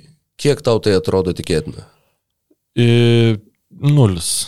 Nulis? Okay. Okay. Jo, kad, kad finalo MVP aš manau, kad kariai gaus visus e, balsus, kurių Jie negavo. žaidžia, nežinau, su Bostonu, jis uždaro teitumą ir jis dar plus renka po 27 taškus Nu, ir gerai, 8 jeigu jis atkovotus. po 27 taškus renka, tai yra šiek tiek įmanoma, bet aš manau, kad, e, nu, ta prasme, nestatyčiau ne 5 eurų už mm. tokį variantą, nu, nebent kofas būtų ten kokie šimtas, bet, nu, visiems netikėčiau to, grinai dėl to, kad Kari yra, nu, fenomenalu, kaip jis dar neturi finalo MVP ir matydamas, kaip jisai žaidžia, aš nematau pagrindo galvoti, kad uh, Warriors gali laimėti jam pradedant žaisti praščiau. Bet ką Vyginsas gali gauti, jis gali gauti uh, vakarų konferencijos finalo MVP. Naujas, apie mes Tiksliai, naujai nekalbėjome apie apdovanojimai, šitą taip. Tai, e, tai Larry vakarų, Berdo ir Magico Johnsono vardo trofėjai. Bet, nu, man tai kai Lebronas Jamesas yra visiškas rytų konferencijos Na, finalas. bet tu nepavadinsi jo vardu, kai jis dar nebaigė karjeros. Tai reikėjo palaukti. Aš ne- nežinau. Yra Man tai- tiesa, matai, man- dar, kai, e, dar atsimenu, e, mačiau ir diskusiją gerai, čia va jam žinau, Larry Berdą, Magicą Johnsoną, visi jau, nu kaip visi, atsiranda tų atvartinių apdovanojimų, Kobe Bryanto All-Star Game MVP uh, ir uh, visi kiti. Kas bus Michaelo Jordano vardinis trofėjus, nes jis vis tiek turi būti. Bet jo finalo MVP, Bilo Russelo finalo MVP. Geriausias po retiremento sugrįžęs krepšininkas. Ne, bet nes tikrai, tikrai įdomus klausimas, nes nu kažkur jisai tikrai atsiras, bet vat, neaišku kur. Žinai, kas galėtų būti? Galėtų būti uh, move of the, ne, move, bet, nu, play of the season. Ir uh, Michael Jordan play of the season. Gal tai yra kiek uh, ir pernelyg paprasta, bet uh, visada geriausias, nu, nėra, kad čia kažkoks apdovanojimas, bet, žinai, kaip tie scoring titulai ir taip toliau, tai vat, rezultatyviausias playoffų krepšininkas irgi Jordanas galėtų būti. Bet nu, kažką, kažką kažkada kažkas sugalvos. Čia Kažką dabar- turėtų. Andrew Wigginsas kol kas prieš Dalasą renka po 21.7 atkovotus 4 rezultatyvius, 39 procentai tritaškių metant po 6 ir jau minėjom, kaip jisai uh, gyvenimą pavertė košmaru Lukai Dončičiui. Tad jo, vakarų Ir konferencijos Aš, šiaip, jeigu tai MVP. būtų NBA finalas, tai aš tikrai sakyčiau, kad Kari laimės. Nu, mm. ta prasme, bet kadangi tai yra vakarų konferencijos finalas, aš manau, kad čia tokie dalykai kaip toks naratyvas, kaip tokio tipo, va, paplekšnokim per petį e, žaidėjų, kuris mus nustebino. Gali žaisti dar Gali labiau, būt. nes jie šiaip žaisdavo, nu, Kawhi Leonardo ten e, tas finalo MVP 2.13, tada, nu, čia n- ne taip akivaizdu, 14. bet 14, tada Andrėjų Gadalas 2.15, nu, buvo puikus pavyzdžiai. Ricky Rubio, Zekas Lavinas, Andrew Wigginsas, Kevinas Garnetas ir Karl Anthony Townsas. Tai buvo starto penketas, kurio Minnesotas Timberwolves niekada neišleido į aikštę žaisti kartu. Uh, jie žaidė kartu vieną sezoną, fakt, taip, vieną sezoną, jeigu jau su Karl Anthony Townsu, bet uh, starto penkete vietoj Zeko Lavino uh, žaisdavo dar vienas veteranas, čia irgi nori tokio klausimėlio ar ne? Um, starto penketą žaidė dar Starto vienas penketę veteranas. žaidė dar vienas e, žmogus, kuris kartu su Garnetu, tai buvo jam paskutinis sezonas, 15-16 metai. Ir jis Okay. Minnesotoje žaidė uh, starto penketą. Jis power forward. e, pozicijai. SF labiau, jis, sakyčiau, nebuvo uh, superžvaigždė lygoj, bet buvo maždaug Karono Butlerio, Sheino Betier, nu, vat, maždaug tokio lygio NBA čempionas. Gerai besigynęs krepšininkas, baigęs karjerą 15-16, užkirtęs kelią mano minėtam starto penketui Minnesotoje. Aš gėda, kad neatsimenu dabar. Mm, NBA čempionas, Karono Butlerio lygio. Mm, Užuomina tavo e, mėgstamiausių turbūt NBA čempionų. Tai Šonas Princas? Taip, tai Šonas Princas baigė savo karjerą tais metais Minnesotui, vėliau dar ir Kevinas Martinas eidavo į starto penketą, kai Rubio buvo gavęs traumą, bet anyway. Minnesotos Timberwolves štai artėja prie to, kad pamatytų Viginsas prieš Butlerį finale po visų savo priimtų sprendimų, tačiau jie priėmė sprendimą, kuris yra labai labai masyvus, labai labai nustebinęs ir pradžiuginęs, sakykime, Minnesotos visą mm, sirgalių bendruomenę. E, labai labai drąsiai, e, visų pirma, jie taigi pardavinėja savo klubą, Glenas Tayloras jau sutiko parduoti klubą, yra nauji savininkai, kurie pilnai perims kontrolę nuo 2023, tai Markas Loras, e, verslininkas ir Aleksas Rodrygėsas buvęs irgi be, beisbolo, beisbolo žvaigždė. E, Žodžiu, jie perka Timberwolves ir jie pastarąsias maždaug 10 dienų praleido labai aktyviai besiderėdami su Denverio Nuggets e, klubo prezidentu Timu Connelly, kurį Minnesotas Timberwolves sugebėjo pervilioti iš Denverio. E, Jo kontraktas turėjo opciją, tad Timberwolves nereikia mokėti jokios išpirkos e, Denveriui. Tuo pačiu jie jam pasiūlė penkerių metų 40 milijonų JAV dolerių kontraktą, plus su vadinamu kikeriu, tai yra, kad jeigu tu įvykdysi kažkokias sąlygas, tai atsidarys ir dar viena, sakykime, sutarties dalis. Ir toj sutarties daly yra taip pat ir dalinio klubo savininko statusas, e, žodžiu, kažkiek tai klubo priklausys Timui Connelly, jeigu jisai įvykdys e, viešai neskelbiamas, tačiau sutartį nurodytas detalės, nežinau, tapti čempionu per penkerius metus ar, ar panašiai. Tad jo, labai labai didelis žingsnis, labai ambicingas žingsnis, labai netimberwulfsiškas, a, žvelgiant į Gleno Tayloro vadovavimo metus ir laikotarpį. Ir jo, yra ir, sakykime, įdomių detalių. Visų pirma, Timas Connelly Denveryje buvo nuo 2013, jisai tenai pakeitė masadžį už žyrį. a, ir- Pirmas jo veiksmas buvo e, pasamdyti Brianą Šokį vyriausiai trenerių Birželio 25 dieną, o antras veiksmas buvo e, e, padraftinti Rudy Goberą e, pirmam raunde 27 pikų, antras veiksmas, trečias veiksmas buvo jį išmainyti už e, Eriką Greeną ir Grinuosius e, į Jutas Jazz. Bet tai, tai galiausiai turbūt atvėrė duris Nikolo Jokičiaus. e, Jo, Jusufui. Nurkičiui, Nikolai Jokičiui, tad taip. Keturis metus jisai e, ten dirbo, vėliau buvo sulaukė paaukštinimo ir tapo klubo prezidentu tam, kad e, generalinio vadybininko e, pozicija būtų perduota Artūrui Karnišovui siekiant jį išlaikyti klube. Dabar nei Karnišovo, nei Timo Connelly Denveryje nebelieka. Kiek teko irgi skaityti atsiliepimų visko tiek iš Denverio pusės, nu sakykime, iš Denverio pusės, kad tai yra labai classy bitches, uh, tikras profesionalas, visur uh, labai labai gerus santykius užmesgantis su aplinkiniais, tai Minnesotai po Gersono Rosaso ar Gersono Roso, tai bus didelis, didelis kontrastas. Uh, ir Jo, Sačinas Gupta buvo žmogus, kuriam buvo patikėta laikinai vadovauti Minnesotai, kai buvo atleistas Gersonas Rosas šio sezono išvakarėse. Gupta realiai padarė viską nepadarydamas nieko, jokių pernelyg rizikingų sprendimų, jokių kažkokių ypatingų mainų, pratestas kontraktas su Krisu Finčiu ir uh, kiek teko skaityti, Sačinas Gupta turėtų likti Minnesotoj, užimti, sakykime, antro numerio pareigas. Uh, galbūt žmogus tiesiog nemėgsta, tarkim, bendrauti su žiniasklaida, čia pristatinėti, sakau, gal jam labiau patinka būti tuo šešėliniu, sakykime, kardinolų ryšeliu. Nemanau, kad žinok tiek daug mokėtų už... Ar tu turi meni, kodėl jis neišeina iš Minnesotos? Jo, A, kodėl okei, jisai okei. tenai lieka, kodėl jisai uh, vat, sutinka, sakykime, save pasižeminti pareigose ir, ir užleisti tą pagrindinę vietą būtent uh, Timui Connelly. E, jie yra dirbę kartu, uh, Sačinas Gupta ir Timas Connelly Denveryje, e, Krisas Finčas yra dirbęs Denveryje kaip asistentas 16-17, tad treneris irgi yra pažįstamas uh, jau ateinančiam naujam vadovui, kas yra didelis pliusas, tikėtina, kad ne, nebandys nuimti trenerio ir statyti savo kažkokio modelio.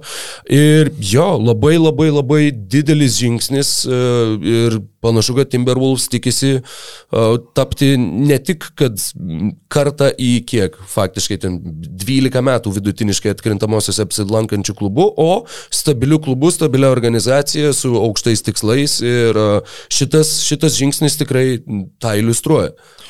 Aš iš tikrųjų neapsimesiu, kad aš žinau, ko laukti, nes uh, Timas Connolly nėra Derilas Mori, uh, kad tu galėtum labai nu, aiškiai nuspėti, žinai, kad e, ten bet, darys taip, taip, taip mhm. ir taip. Nu, ir tu su nieko negali aiškiai nuspėti, bet tu bent jau gali kažko tikėtis.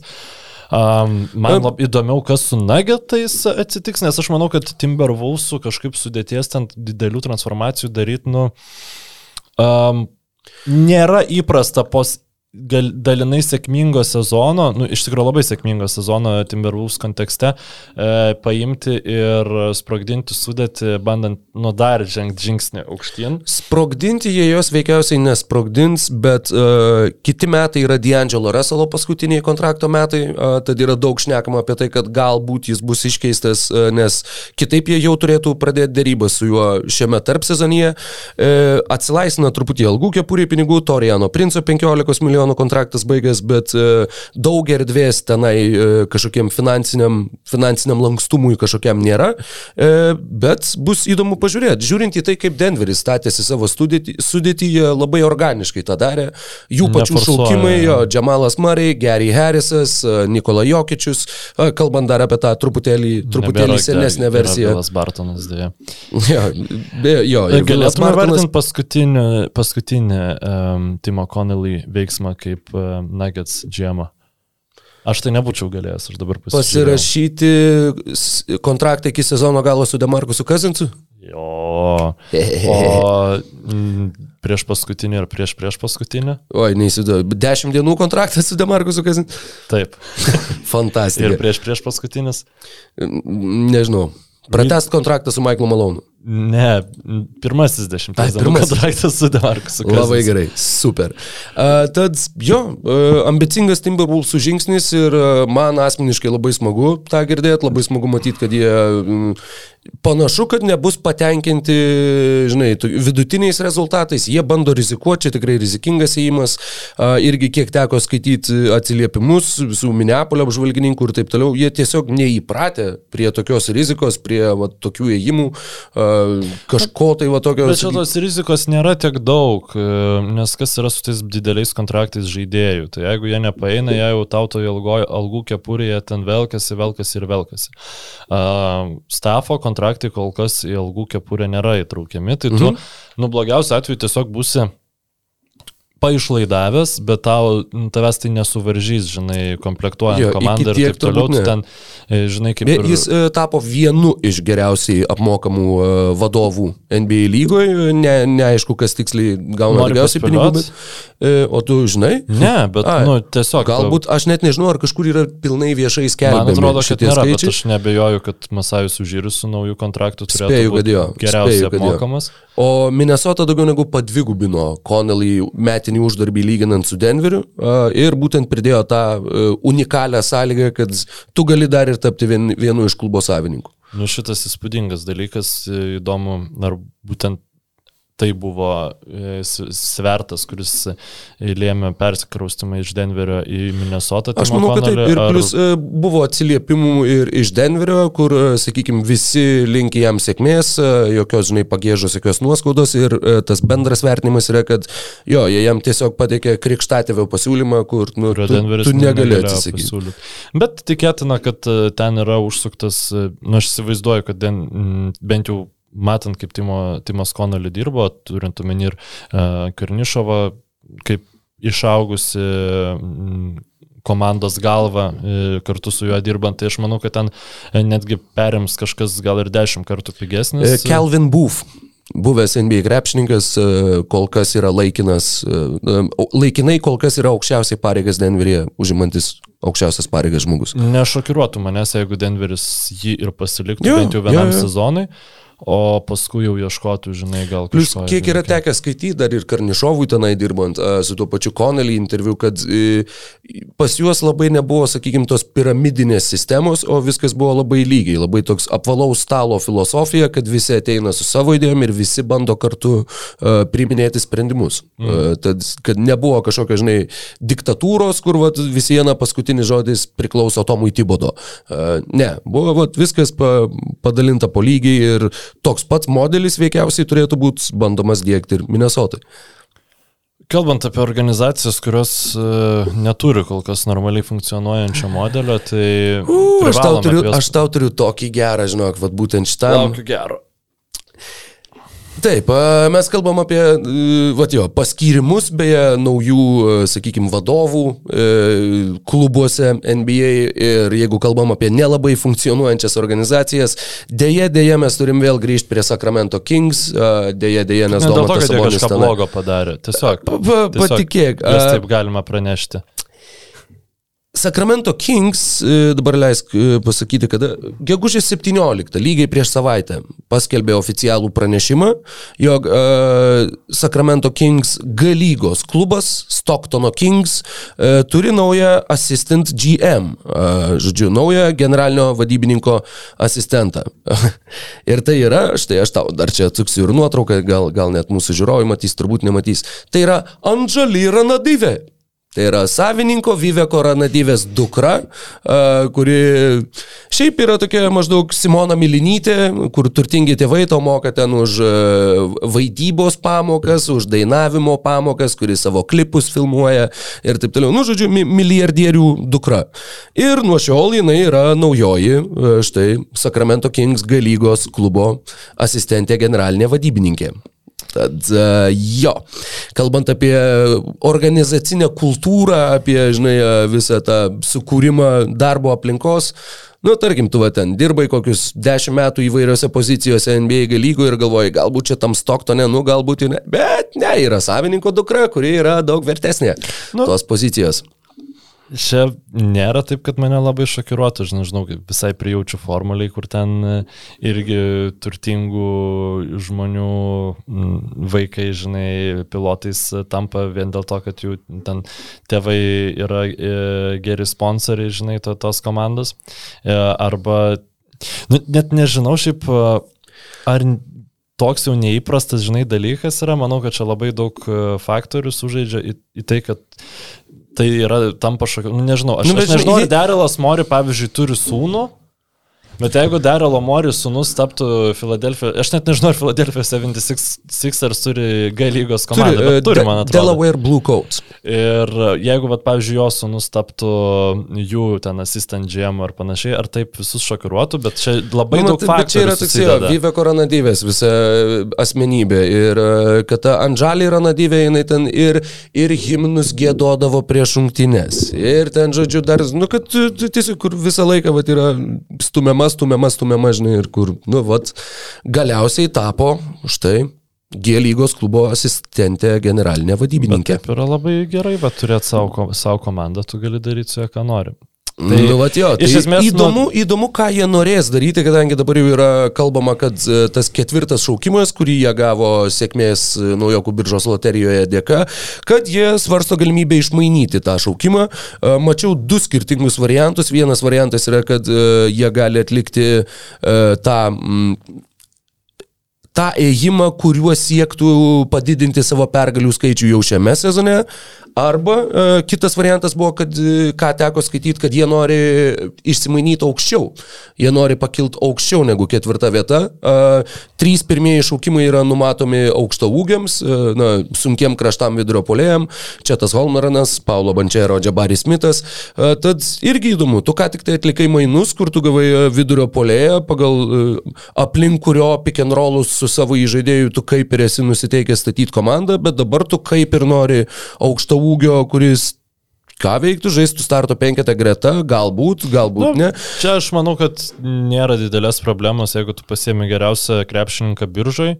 Um, tu labai smarkiai nedegsi, jeigu tas krepšininkas nebus pats, pats geriausias fitas su tavo žvaigždė krepšininku, nes, nu, ta žvaigždė krepšininkas nėra, žinai, Luka Dončičius arba ten net ir Deiminas Lillardas. Vis dėlto tai yra Domantas Sabonis, plus tie visi, mm, tiek Četas Holmgranas, tiek uh, tiek kita Hebra, kuriuo aš ten taip labai jau pavardžių neatsimenu, jie vis vien yra tokie e, dar lipdytini krepšininkai ir ten tu gali e, su sabu kaip centru žaisti ir šalia nu, turėt e, iš toli tikė, tikėtina pataikysianti, žinai, krepšininkai, nes manau, e, visi ten jie dabar e, mes galiausiai didesnių negu 35 procentų taiklumų. Aš apie tą top 3 kalbu. Bet mane tai šiaip labiau intriguoja tas, būtent jeigu jie nuspręstų eiti į, į laimėk dabar režimą. Ir, nu, net nenustepčiau labai smarkiai kad e, jie taip galėtų padaryti, žinai. Jeigu, e, visų pirma, jeigu jie neranda nieko, kas jiems patinka, žinai, tam ties to ketvirtų šaukimu, ir jeigu jiems pasiūlo kažką, kas jiems labai patinka, tai aš sugalvoju du variantus. Vienas yra visiškai nerealus, kitas yra šiek tiek, ne, ne, nu, kitas yra Mhm. tiesiog nerealus, ir, bet daugiau aš nesugalvoju iš vis nieko. Tai pirmas nere, nerealusis variantas, nerealiausias. Jau tai yra- užkurti ESPN Trade Machine? Ne, nereikia, nu, taigi čia yra off-seasonas, ten tikrai su, su, su, su kompiliuotu, žinai, e, kokį nors e, variantą, tai yra Damienas Lillardas, nu, tai yra vienas iš krepšininkų, dėl kurio aš galėčiau rizikuoti aukoti Kingsų ateitį, nes pripažinkime, jinai yra visiems turbūt šudina. Tai, nu, e, galbūt Lillardas sugebėtų prikelti šitą komandą ir visi niekur ten jie nieko nelaimėtų, bet, nu, būtų bent jau in- intriguotų. O kitas dalykas, tai galbūt biškai pigiau išeitų, nu, aišku, top 4 šaukimą visiems reikėtų ir Vašingtono vietoj, tai aš tikrai sutikčiau su tais main- mainais, tai yra Bradley Bylas. Aš kaip tik, va dabar, va, atsidariau ESPN Trade Machine, neklausydamas tavo perspėjimų, ir žiūrėjau, kaip čia išeina. E, Harrisonas Barnsas ir Rišonas Holmesas plus ketvirtas šaukimas už Bradley Bylą. Toks, E, kaip- Baronso neduočiau. Nu, ta prasme, Mat, e, nėra tikslo, tu...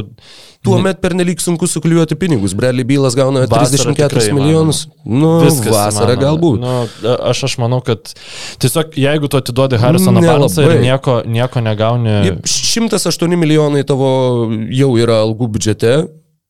Ir tu turi Foxą ir Sabonį, kuriuos tu neva norėtum pasilikti. Vienas gauna 30, kitas gauna 20 milijonų. Barnsas 18 besibaigiantis kontraktas, Holmesas 11 ir panašiai iki 25 metų. Gerai, atsidarysiu aš salary cap 22-23 metų. Projektuojama. 120, Kingsų- man atrodo. Ai, tu apie Kingsas. Mm, hm,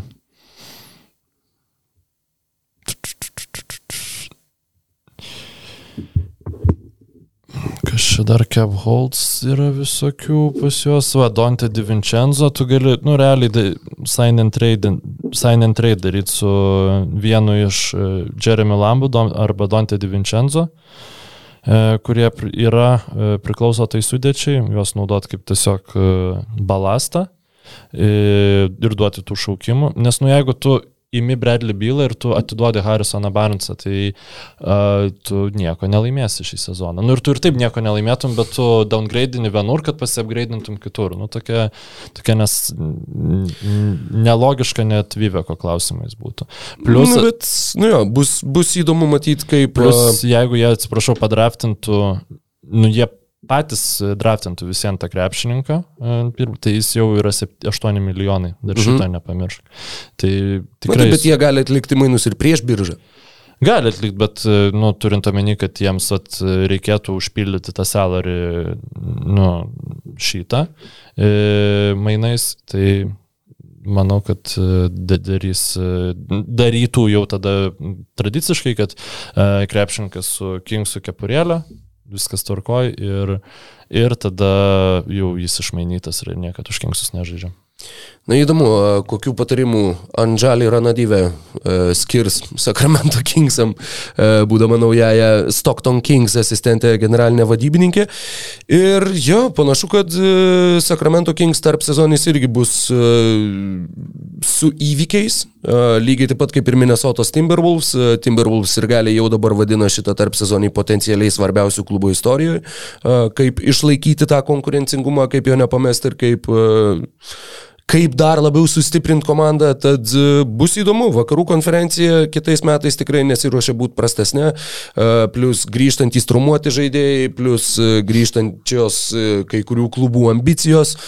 Bus tikrai labai labai įdomu ir Ketvirtas šaukimas yra geras šovinys, matysim, kokį zuikį Sacramento Kings pavyks su juo sumedžioti. Jo, ir aš tai, nu, būdamas Kings fanu, tai norėčiau, kad jie pasiimtų tiesiog, Taip. jam trade-upint, tai aš nemanau, kad pavyks, nes visada, ir turbūt jeigu mes atsiverstumėm mm, loteriją, ketvirtus, penktus šaukimus turinčias komandas, jis visada nori trade-upint. Pernai, pamenu, Blazeriai labai norėjo trade-upint, nors jie ten iš vis kažkur loterijai buvo, gal maišau kažką, bet būdamas Sabonio fanu, tai aš norėčiau, nu, maksimaliai kiek įmanoma geresnės komandos aplink jį. Aš tai vis tiek, aš manau, kad Sakramentas turėtų sekti Memphio modeliu. Bet jie jau kažką neseka. panašaus. Jo, bėda, kad jie jau, jau juo truputėlį ir- susimai, sumaišė uh, kortas Memphio tas tran tranzicija buvo superinė. Jie ne, nepergyveno, atidavė Konlį, atidavė Gazolį. Nu ir aišku, jie padraftino Žamorantą, žinai. E, kaip, Ir jiem irgi pasisekė sėkmė loterijoje. Jie, jie pakilo. ir aš tik priminsiu, kad jie metu. nepadraftino Luko Dončičiaus irgi. Taip pat kaip ir e, Hoksai ir... ir Jie turėjo ketvirtą šaukimą. Jo, jie turėjo ketvirtą šaukimą, De- Me- Mavericks turėjo penktą šaukimą. Tai Tai jeigu jie Mavericks, išsikeitė į trečią. tai jeigu Mavericks galėjo išsikeisti penktą į trečią, nu, tai tikėtina, kad Grizzlis e, galėjo išsikeisti ketvirtą į trečią, žinai. Nu, čia tie tiesiog e, jie, Nu, bet čia, žinai, jie buvo išsi- išsikeisti- patenkinti. Kažkas galėjo ir su Sakramentu išsikeisti. Visi 29 klubai galėjo siūlyti kažką Sakramentui už Nu, antrą bet šaukimą ir pasimti Lukadončičių. Tai čia... e, Begli nemainomas yra. Ai, taip, untouchable. Tai su tuo, man atrodo, ir galim baigti e, šitą... Neliesti tinklalaidę. nu Marvinu Beglį? Nu, neliesti, nu jo. Neliesk, nu, neliesk jo mano Marvino, neliesk. Ar Neliesk, mano Beglį, neliesk. Nu, Gal ir taip jau. Toks ramesnis šiandien podcastas. Jo, kažkaip, žinai, vieną, vieną tai įrašinėjom šią savaitę, tai kažkaip tai taip, užsišnekėjom turbūt daugiau negu įprastai, bet e, tikrai buvo apie ką, mano manimu. Ir netgi nebuvo pernelyg e, kulinarinių nuokrypių. Jo, jo, tai dėl to ir sakau, kad ramesnis. Jo, tikrai, e, tokių karštų diskusijų nebuvo. Karščiausia turbūt buvo nieko, tikrai nieko karšto. Hi- Hit buvo pakankamai karštas pavadinimas. Gerai, e, ačiū už susiklausimą ir tada susitiksim paskutinę e, pavasario. Mes jau susiklausysim su jumis turbūt e, pirmą vasaros dieną, bet Eik mes susitiksim paskutinę pavasario. Žinai, aš vieną tik tai dar dalyką pridėsiu. Man atrodo, kad 30 per pastaruosius maždaug, nežinau, dešimtmetį ar gal penkmetį prasistumė metų laikai Lietuvoje per mėnesį. Mano akimis gruodis yra vis dar rudens mėnuo, sausis, vasaris, kovas yra žiema, balandis, gegužė, birželis yra pavasaris, liepa, rūpiutis, rugsėjais yra vasara ir tuomet nuo spalio iki gruodžio ruduo. Globalinis atšilimas. Kad ir kas tai bebūtų, bet uh, jo, visą Nu, laiką... klimato kaita, nu, vyksta, nu, Kiekvien, kiekvienais metais, va dabar pastaruoju metu, žinai, kai keikėsi birželį, kad nu kas čia per vasarą, tai pa, palauk rugsėjo. Palauk rugsėjo ir turėtų viskas susidėlioti kaip turi būti, tik tai truputėlį prasislinkę per Aš mėnesį. tai atsimenu, kad ir mano vaikystė birželį buvo šalta. Visada Nu, jo, užsibukini palangą, nes pigiau. Ir esi bėdžius. Mm. Ir, Ir plus septyni birželio pabaigoje. Esu buvęs tokiam true story. Jam. Ne, nelinkiu niekam, tad Tai linkėjimai tiems, kurie šį savaitgalį važiuoja į palangą. šiltų ir- orų jums ir visiems kitiem keliaujantiem bei šioje gyvenimo kelionėje jums gero vėjo ir palankių jo gūsių. Iki. Iki laimingai.